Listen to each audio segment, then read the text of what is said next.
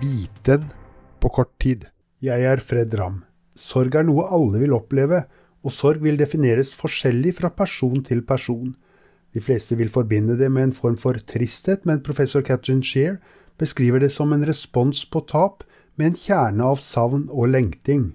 Helsekonsekvensene er alvorlige. Personer over 60 år som mister en partner, har de neste 30 dagene mer enn en dobling av risikoen for hjerteinfarkt eller slag. Særlig er de første 24 timene kritiske. Ellers er sorg forbundet med søvnvansker, immunsykdommer og blodpropper. Nevrologen og professor Lisa Schulman har sett på hva som skjer når noen sørger.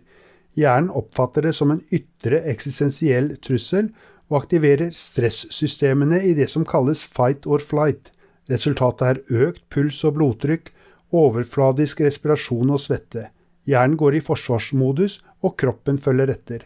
Reaksjonen kan bli langvarig, men også utløses på nytt av steder og situasjoner som kan skape minner, uten at folk ofte ser sammenhengene.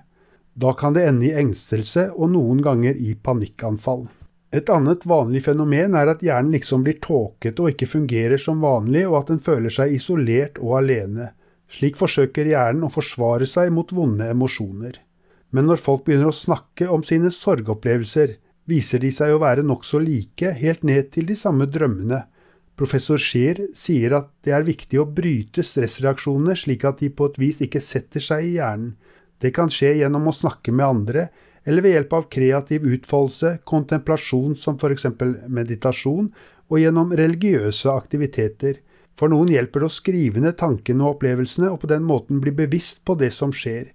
Ifølge Scheer går sorgen aldri egentlig over dersom tapet har vært stort, men sorgen skifter ansikt og vil fremstå på måter som gjør det lettere å leve med den. Det vil vanligvis bli mulig å minnes uten sorgens smerte.